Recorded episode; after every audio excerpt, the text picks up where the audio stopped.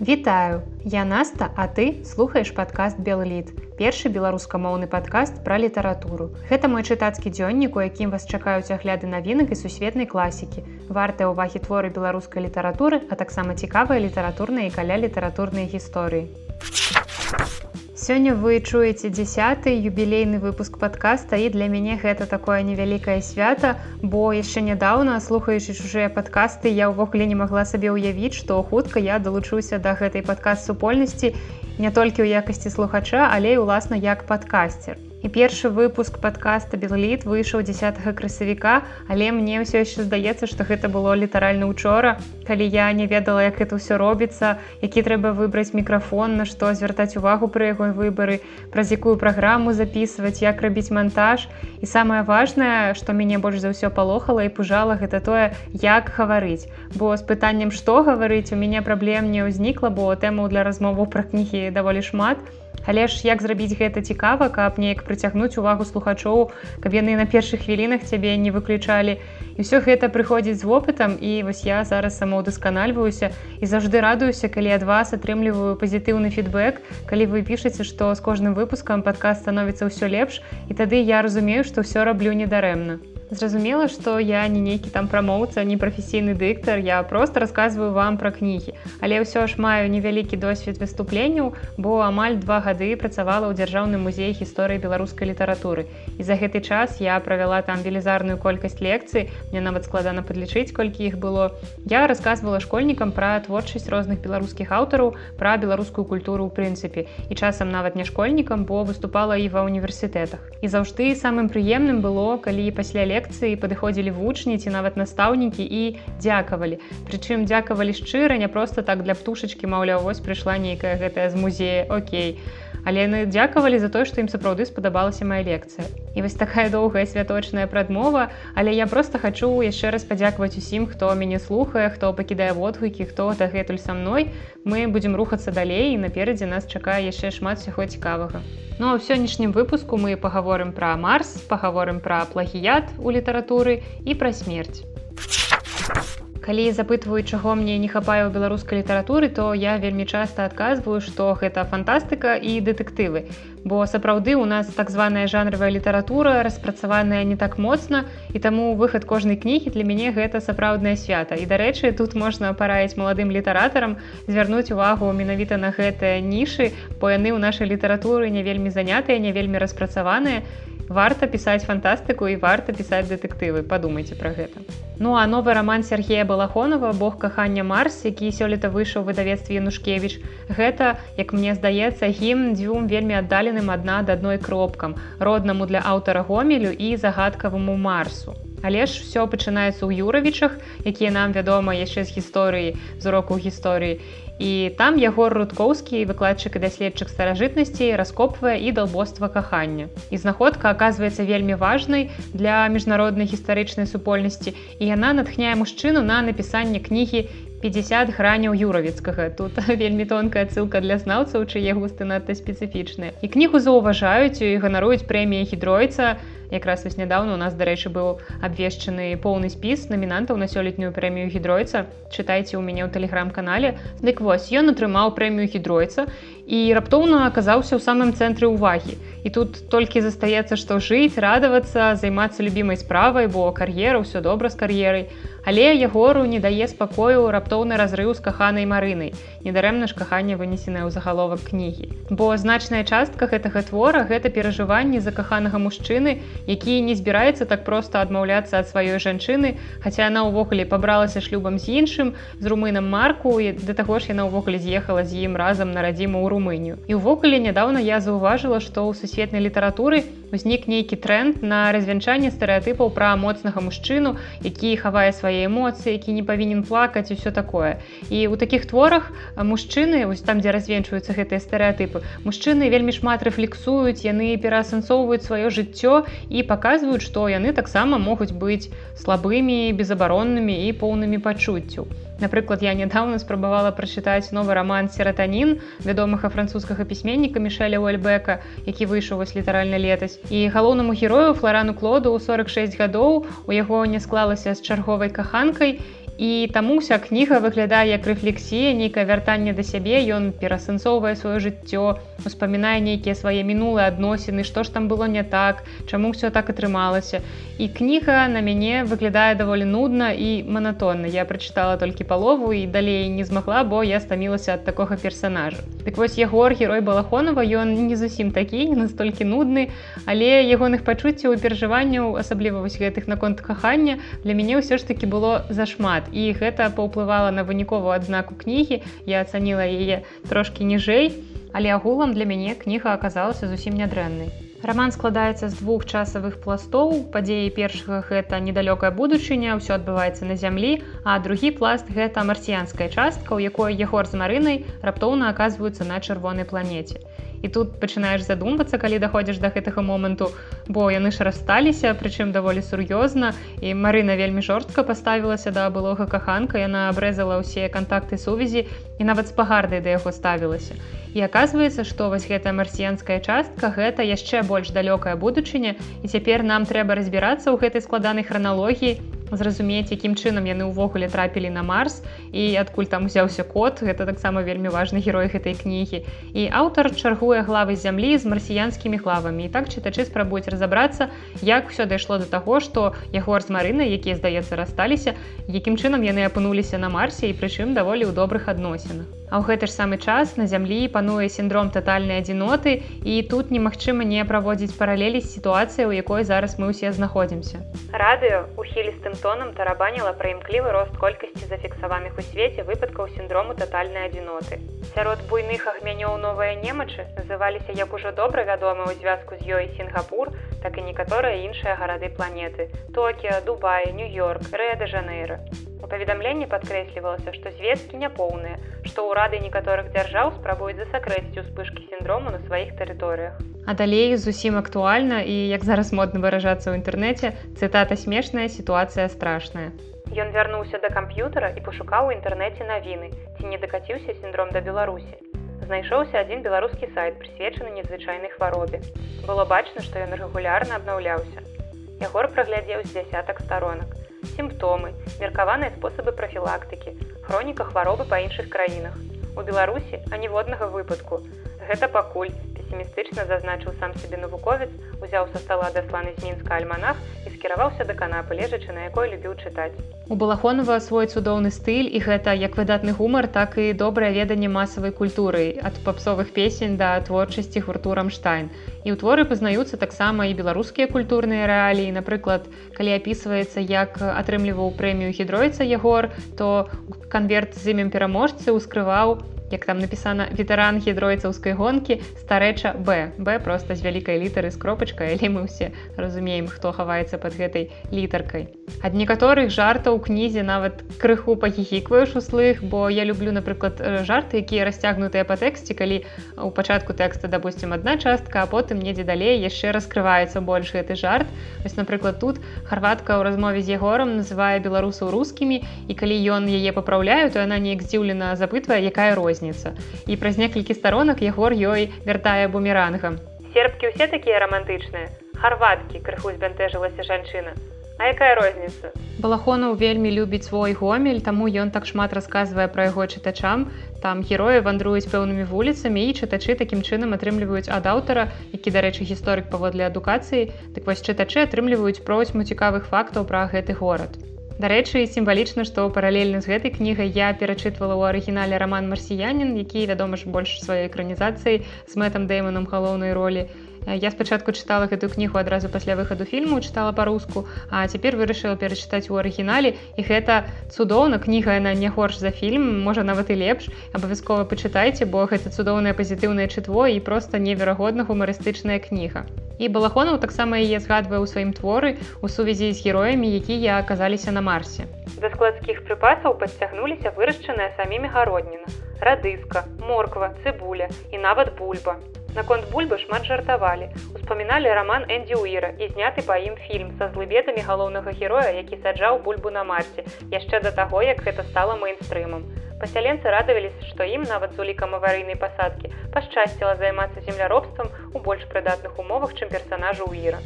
балахонаў таксама умею самаіронію і ў сваім жа рамане ён успамінае сябе так напрыклад стывен кінг вельмі любіць рабіць у ягоных кнігах героі даволі часта згадваюць ягоныя ж кнігі або экранізацыі ягоных твораў і ў рамане балахонова героі гуляюцца ў так званую гульню шкляных перлаў або ў гульню ў марсікі там даволі няпростыя правілы я зараз не змагу іх дакладна вам расказаць але сутнасць у тым што трэба трымаць у галаве мноства цытат і адна на адну яе нанізваць. Дык вось марына робіць ход у гэтай гульні з дапамогай цытаты з папярэдняга рамана балахонова інфанта і аднарог Я быў задаволены як той ружовы плюшавы слон у абдымку з якім спіць пухлаватая супермадэлька ураджэнка заходнярускай нізіны балахону які яшчэ балахону зачапіўся гулец не даўшы ёй агучыць законнае атрыманне яшчэ трох балаў Сергей балахону не сказала, а пратрубіла маладзіца.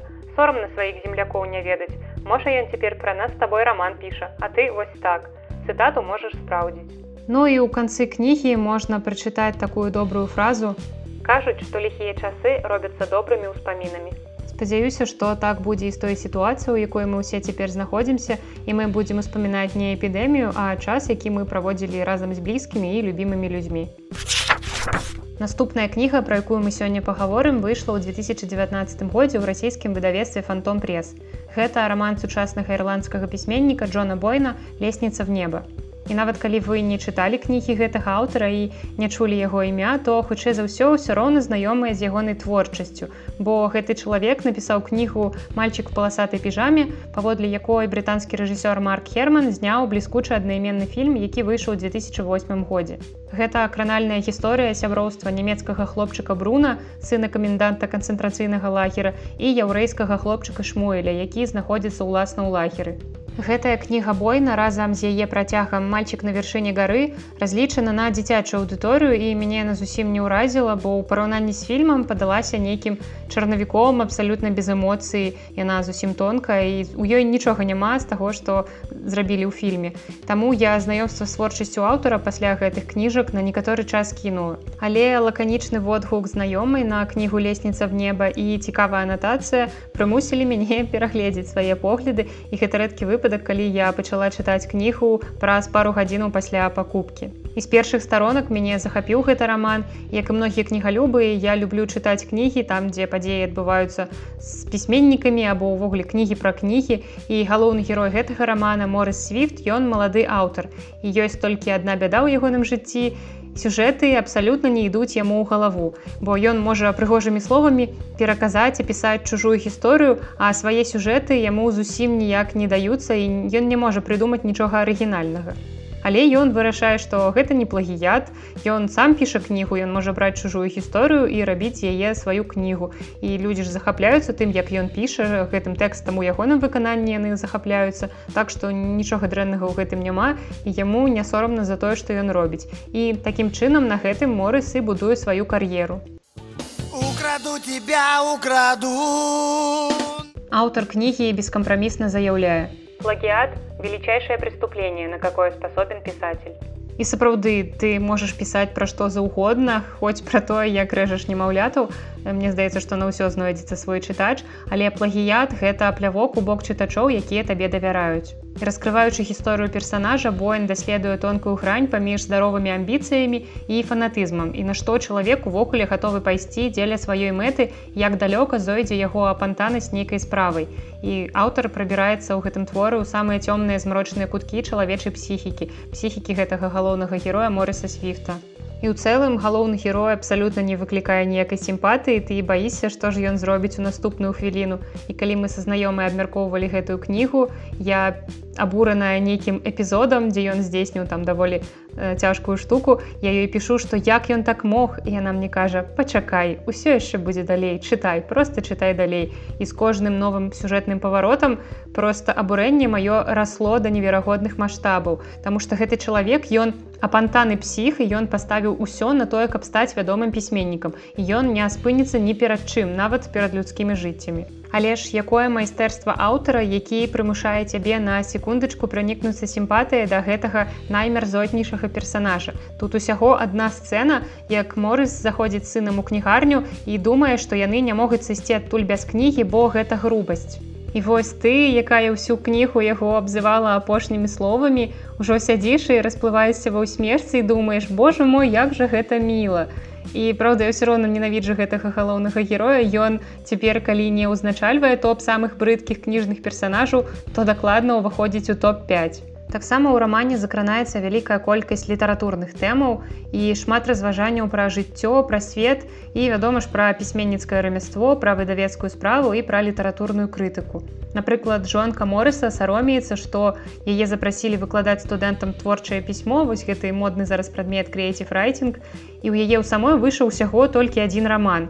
І ўвогуле мне здаецца, што многіх сучасных аўтараў не парыць, што яны не напісалі ніводнай вартай кнігі і ўсё роўна адну за адной выдаюць брашуркі пра пісьменніцкае майстэрства. Чалавек увогуле можа не мець ніводнай мастацкай кнігі ў прынцыпе не напісаць, але пры гэтым весці курсы пра тое, як стаць пісьменнікам і яшчэ і за іх браць грошы. Ну яны ж умеюць звязваюць словы ў сказы і ўсё можна вучыць іншых пісаць.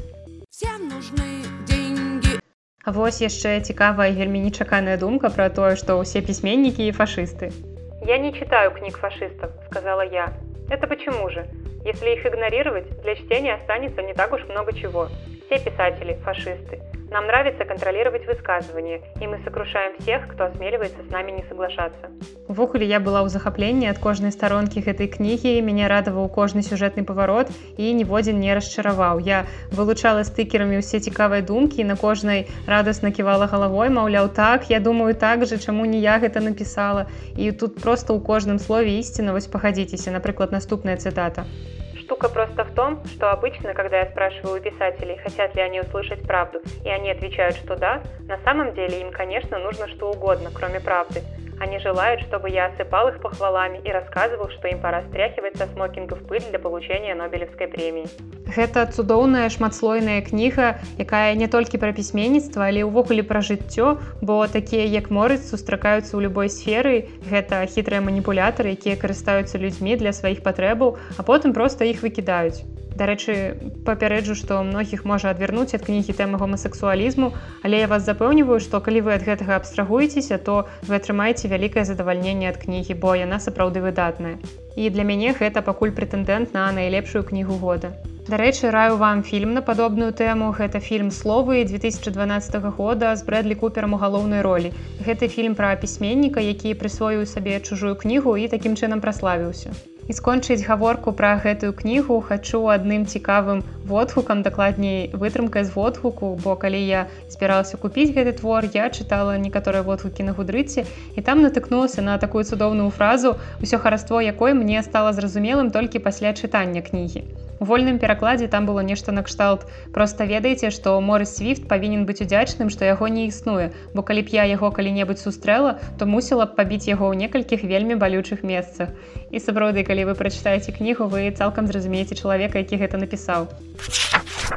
А ў канцы сённяшняга выпуска, як і анансавала, я хачу пагаварыць пра смерць. І на гэтыя думкі мяне падштурхнуў адзін артыкул пра байрана. І я задумалася пра тое, колькі таленавітых людзей мы згубілі праз недастаткова высокі ўзровень медыцынскіх паслуг у мінулым. Напрыклад, Джордж Гордан Байрон, англійскі паэт, па віне медыцыны 19 стагоддзя пражыў усяго толькі 36 гадоў.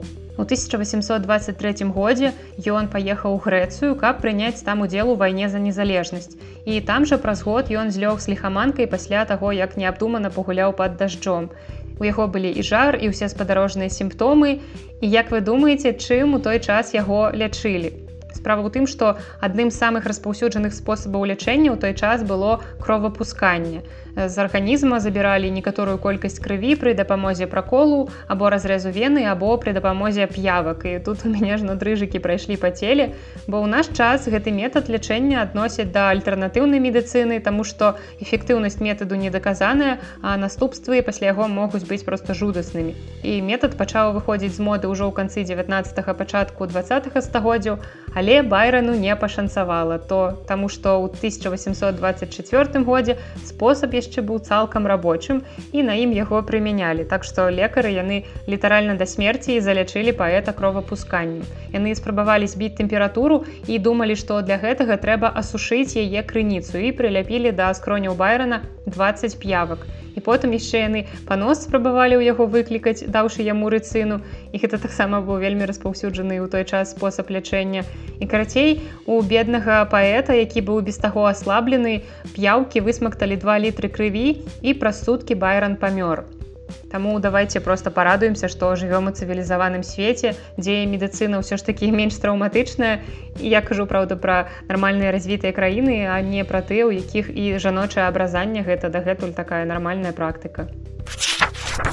Такім цікавым і трагічным фактам скончым сённяшні выпуск. Спасылкі на ўсе кнігі ці фільмы, пра якія сёння вялася гаворка, вы, як заўжды знойдзеце ў апісанні да гэтага выпуска. Дарэчы, у адным з наступных выпускаў я хачу зрабіць якую-небудзь падборку кніг, Таму мне важна, каб вы расказалі ў каментах ці ў Google форме ў апісанні пра кнігі, на якую тэму вы б хацелі паслухаць выпуск. А на гэтым я развітваюся. З вами была Наста і падкаст Белліт. Да сустрэчы запісала гэта і падумала што можна было б уже і больш арыгінальнае развітанне прыдумаць ужо ўсё ж такі 10 выпускаў прайшло